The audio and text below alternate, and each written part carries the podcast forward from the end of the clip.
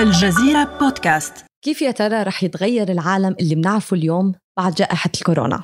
العولمة انسوها الرأسمالية بوجه جديد الحريات محدودة ونظرتنا للدين هتتغير. أما الثقافة والأدب فرح تنكتب بحبر الفيروس المميت على ورق زمن بحلوه وبمره ما عاد رح يرجع. النهاردة البشرية بتواجه أزمة عالمية ربما تعد أكبر أزمة شهدها جيلنا لدرجة أن غالبا ما هتشكل القرارات اللي بيتخذها الناس والحكومات في الأسابيع القليلة المقبلة مستقبل العالم لسنوات قادمة. مش هتتغير بس أنظمة الرعاية الصحية في العالم ولكن سيمتد تأثير هذه الأزمة التاريخية لتعيد تشكيل الاقتصاد والسياسة والثقافة. ولازم الكل يتصرف بسرعة وحسم لأن كل قرار هيتخذه كل فرد مننا سيكون له عواقب طويلة المدى. كلنا اليوم عم نتساءل أي نوع من العالم رح نعيش فيه بمجرد مرور هاي العاصفة؟ وغالبا رح تمر هالعاصفة رح تضل البشرية على قيد الحياة أو رح يضل معظمنا على قيد الحياة. لكننا أكيد رح نعيش بعالم مختلف تماما. الحياة ما رح ترجع لطبيعتها مثل ما كانت قبل يناير كانون الثاني 2020 ويبدو أنه كتب علينا نحن هذا الجيل. مسؤولية ثقيلة شوي أنه نكون نحن مركز هذا التغيير. لكن بالبداية كنا كلياتنا مفكرين أنه أمره حيعدي. يعني الحياة رح ترجع لطبيعتها خلال أسبوع أو اثنين أو أكثر. بس اليوم صرنا بحاجة لأنه نجهز حالنا. كل واحد فينا لازم يتحضر نفسيا لشغلات ما كانت بالحسبان.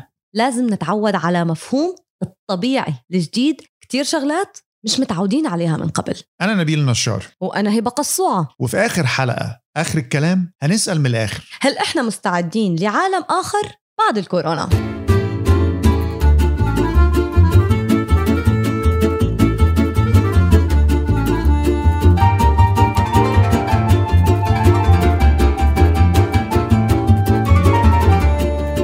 خلينا ناخد درس تاريخ سريع. كراش كورس حتى وقتنا الحالي إحنا عارفين إن الجوائح اللي ضربت البشرية سابقا كانت أخطر من كوفيد 19 الإنفلونزا الإسبانية أودت بحياة أكثر من 50 مليون بني آدم في العقد الثاني من القرن الماضي.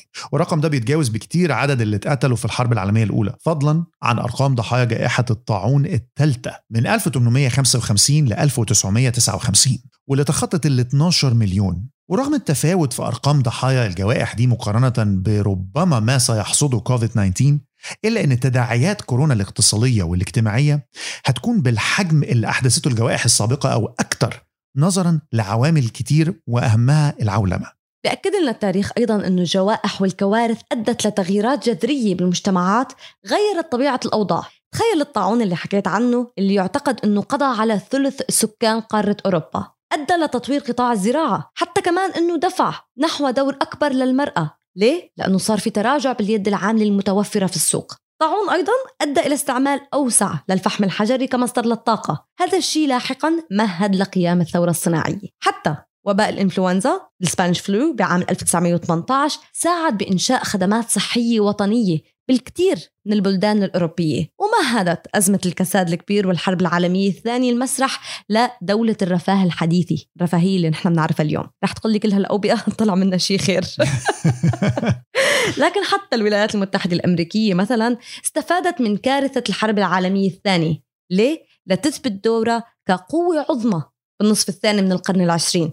لأنه إذا بنفكر فيها الولايات المتحدة الأمريكية كانت يمكن من الدول القليلة اللي ما أصابتها الحرب بعقر دارها يعني بأراضيها مباشرة. ولهيك فينا نقول أنه اللي رح يطلع أولا من هي الجائحة أو هي المحنة اليوم رح يتمكن من تحقيق نقاط هائلة على سلم السيطرة العالمية. إذا حكينا عن الطاعون اللي ضرب أوروبا بالقرن الرابع عشر ترك هذا الوباء بصمات كبيرة على الثقافة حتى أن المؤرخين بيعتقدوا أنه عصر النهضة اللي شكل ثورة فكرية وفنية كان رد فعل مباشر على العصور الظلامية اللي نجمت عنه الحروب والجوائح. أما اليوم الأثر المباشر اللي رح تتركه جائحة الكورونا ثقافيا صرنا عم نشوفه اوريدي على صفحات التواصل الاجتماعي على شكل أفكار أو حتى فيديوهات أو كتابات. هذا الشيء اللي عم بشكل مساحة كبيرة للتغيير المتوقع بالمجتمعات اللي رح تكمل هالمشوار لكن اللي بدأته اليوم بأزمة الكورونا. والتغيير ده هبة هيجي على هيئة اللي الناس بتسميه the new normal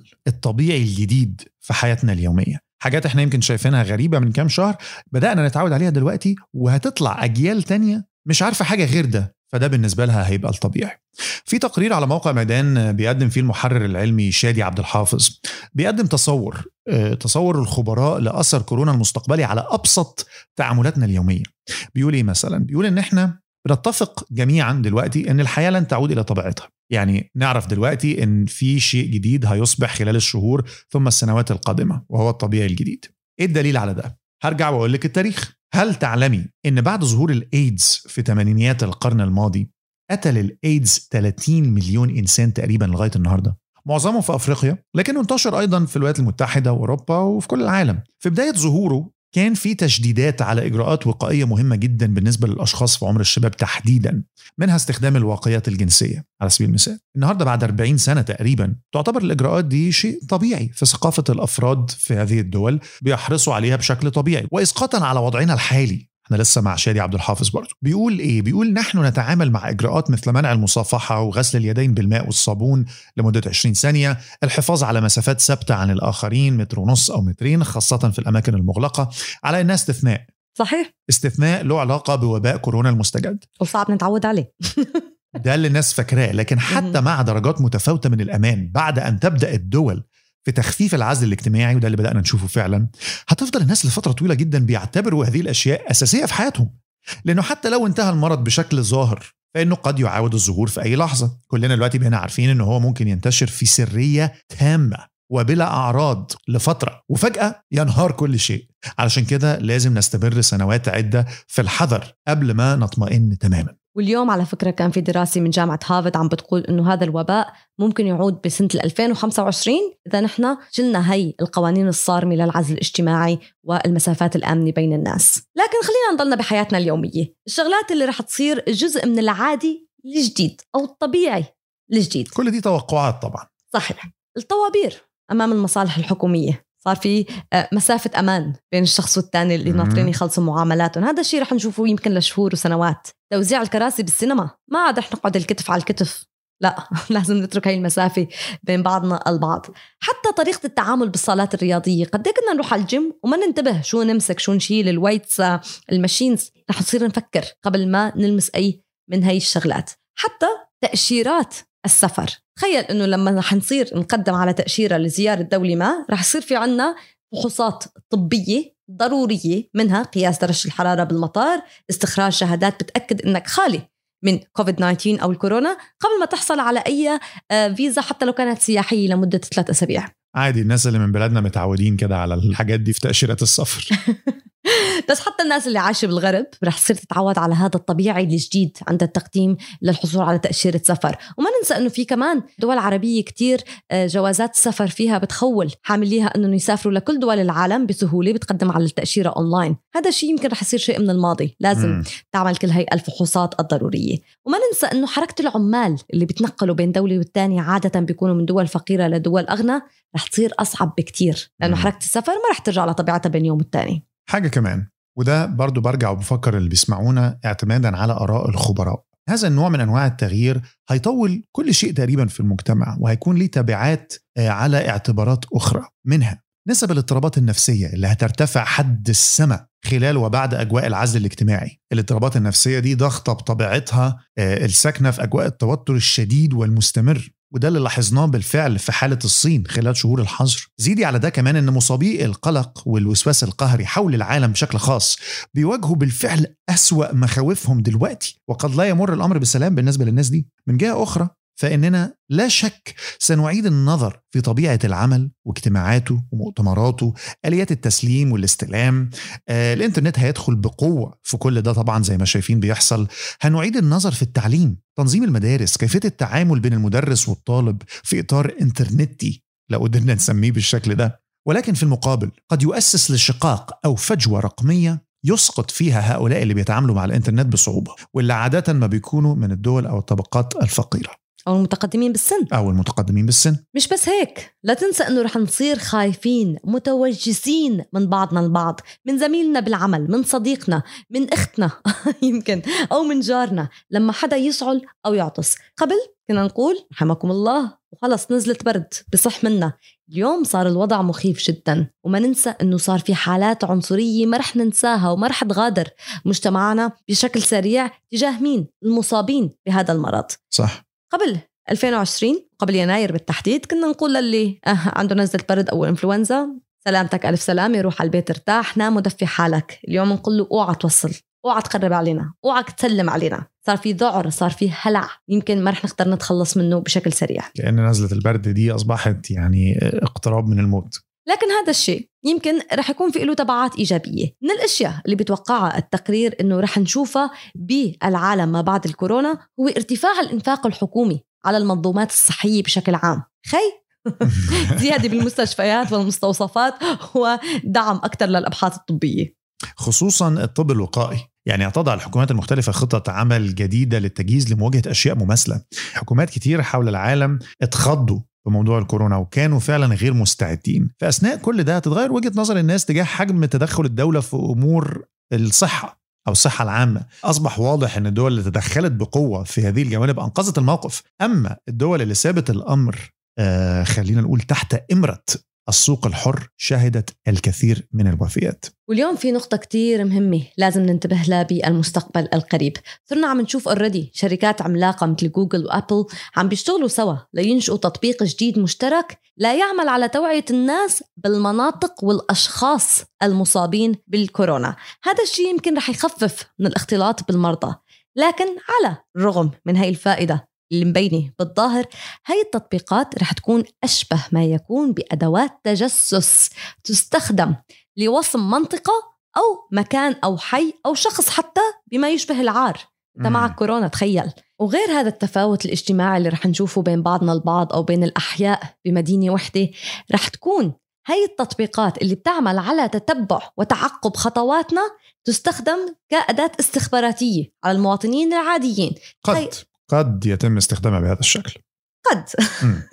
لأن أنا مثلا امبارح كنت بتكلم مع مراتي في الموضوع ده لأن مؤخرا الحكومة قررت إن هي هتطلع تطبيق بالفعل آه، علشان الموضوع ده تحديدا وهيطلعوا للناس زي آه، بيسموها immunity passports يعني هيبقى كل واحد بحسب التطبيق ده مكتوب عليه أو في زي في هويته إن الشخص ده جاله كورونا قبل كده وعنده مناعة أو إن الشخص ده معرض للمرض أو إنه سليم معافى ايا كان. فكل واحد هيبقى متعلم عليه. وأنا بتناقش مع مراتي بقول لها ان دي أكيد حاجة كويسة علشان نقدر نتتبع المرض. قالت لي آه بس بينما إحنا والجهاز الطبي والناس هتبقى بتتبع المرض ده أيضا بيدي مساحة للحكومة إنها تتتبع الناس والأشخاص بحجة الصحة العامة. وهي أحسن حجة ممكن استخدامها. ما في حدا رح يساوم على صحته وما في طريقة أفضل لأنك تبيع لحدا فكرة أنه أنا بدي أتبع خطواتك غير لأحميك لتكون أنت بأمان. صح. لكن كلنا بنعرف إنه أجهزة الاستخبارات حول العالم عندها نهم للمعلومات. يعني اليوم عم بيتبعوا حركاتنا وصحتنا ليشوفوا قد إيه عندنا احتمالية إنه نصاب بمرض الكورونا. بكرة ما بنعرف لشو ممكن يتم استخدام هاي التطبيقات. هي سلاح ذو حدين. مش شرط إن هي بشكل تلقائي هيتم استخدامها بشكل شرير ولكن قد وزي ما إحنا عارفين. Absolute power corrupts absolutely. بعدين ما فينا نضمن إنه هاي التطبيقات ما رح يتم اختراقها قرصنتها بالنهاية. صحيح. يعني في كمان هون مخاوف بخصوص الخصوصية والبيانات اللي رح يتم آه، تحميلها على هاي ال applications إذا حكوماتنا نحن ما بدها تستخدمها ممكن حكومات تانية. ممكن شركات وممكن القطاع الخاص والرأسمالية هتتدخل هنا. لأن زي ما إحنا عارفين الشركات مثلا على سبيل المثال اللي ممكن تكون interested جدا في البيانات دي شركات التأمين الصحي اللي بتبقى عايزة تعرف التاريخ الطبي الصحيح لكل عميل محتمل لكل بني آدم لأن كل بني آدم بالنسبة لهم عميل محتمل. ولو أنا عارف أن شخص معين عنده قابلية للإصابة بمرض معين أو بالفعل أصيب بمرض معين ممكن أختار أن أنا ما أمنش على حياته أو أأمن له ولكن بسعر أعلى بكتير عشان أنا عارف أنه هو عنده هذا المرض. بالضبط كده. وما ننسى إنه اليوم البيانات سعرها أغلى من أشياء كثيره بالعالم في شركات بس همها تحصل على بيانات المستخدمين حول العالم. أغلى من المياه والهواء. بالضبط. ولهيك رح نحكي أكثر عن التأثير السياسي والاقتصادي لوباء الكورونا لكن بعد الفاصل.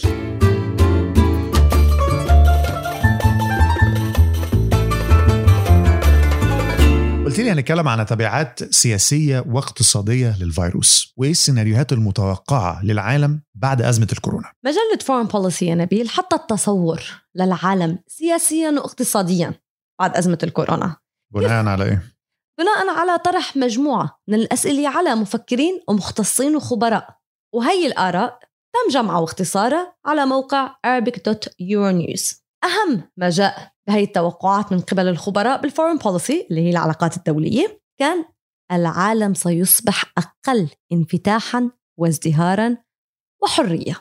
احكي لي أكثر عندك ستيفن إم وولت. هو أستاذ العلاقات الدولية بجامعة هارفارد قال إنه الوباء رح يدعم صعود الحركات القومية ويدعم سلطة الحكومات وقبضتها على مقاليد الأمور. ورح تتبنى الحكومات بمختلف اتجاهاتها. إجراءات طارئة بمحاولة لاحتواء انتشار هذا الفيروس. هذا الشيء ما رح يتخلوا عنه بسهولة أو فور انتهاء الأزمة. يعني في قرارات وصلاحيات رح تحصل عليها هي الحكومات ما رح تتخلى عنها بسهولة. والله لأنه خلصنا أزمة الفيروس ما رح نتخلى عن سلطتنا المطلقة على. شعوبنا وعلى مجتمعاتنا. كمان بيقول والت أنه الفيروس رح يؤدي إلى انتقال ميزان القوى العالمية من الغرب للشرق ولدول استطاعت أنها تتدارك الأزمة بشكل أسرع نسبيا من دول تانية. شفنا كوريا الجنوبية سنغافورة الصين نجحت نوعا ما بتبطيء حركة انتشار الفيروس. بوقت الحكومات الغربية والأوروبية دخلت بطرق عشوائية يعني صارت مش عارفة من وين رح تبدأ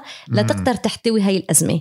هذا بالنهاية رح يؤدي بحسب وولت لزوال عصر سطوة العلامة التجارية الغربية.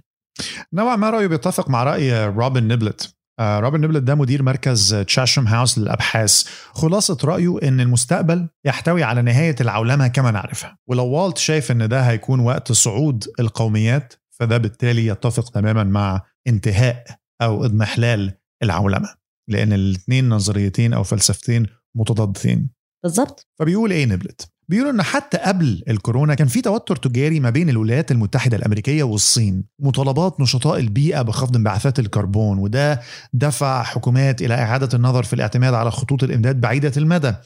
ده برضو ده برضو بجانب إلى إن أزمة كورونا هتدفع بحكومات وشركات ومجتمعات بحالها للتكيف على فترات طويلة من الاكتفاء الداخلي والذاتي والعزلة مش بس الناس قاعدة في بيوتها العزلة الاقتصادية أيضا. وعم نحكي عن العولمة رح تتغير بشكلها الحالي والبعض عم بيقولوا إنه الصين رح تصير المركز الجديد للعولمة عندنا باحث ثاني أو محاضر بجامعة سنغافورة الوطنية اسمه كيشور مهبوباني هذا الباحث بيقول إنه العولمة رح تنتقل من مركزها الحالي الموجود بالولايات المتحدة الأمريكية للصين كمركز جديد لإلها، ليه؟ لأنه هذا الشيء بحسب رأيه بدأ فعلا بالتغيير قبل ظهور فيروس الكورونا مثل ما حكيت لأنه الأمريكيين أساسا فقدوا ثقتهم بالعولمة بوقت زادت فيه ثقة الصينيين بالسوق الحرة والتبادل التجاري المفتوح واليوم أثبت الصينيين قبل أزمة الكورونا انفتاحهم الاقتصادي على العالم خاصة بالسنوات الأخيرة الماضيه وصار عندهم الثقة بقدرتهم على المنافسة بأي بقعة من بقاع العالم. وهذا الشيء أنا شخصيا شفته. رجال أعمال صينيين موجودين بالشرق الأوسط في كل مكان. وفي كل العالم وحتى في في أستراليا وفي كل الدول الآسيوية وفي أوروبا كمان. المكسيك.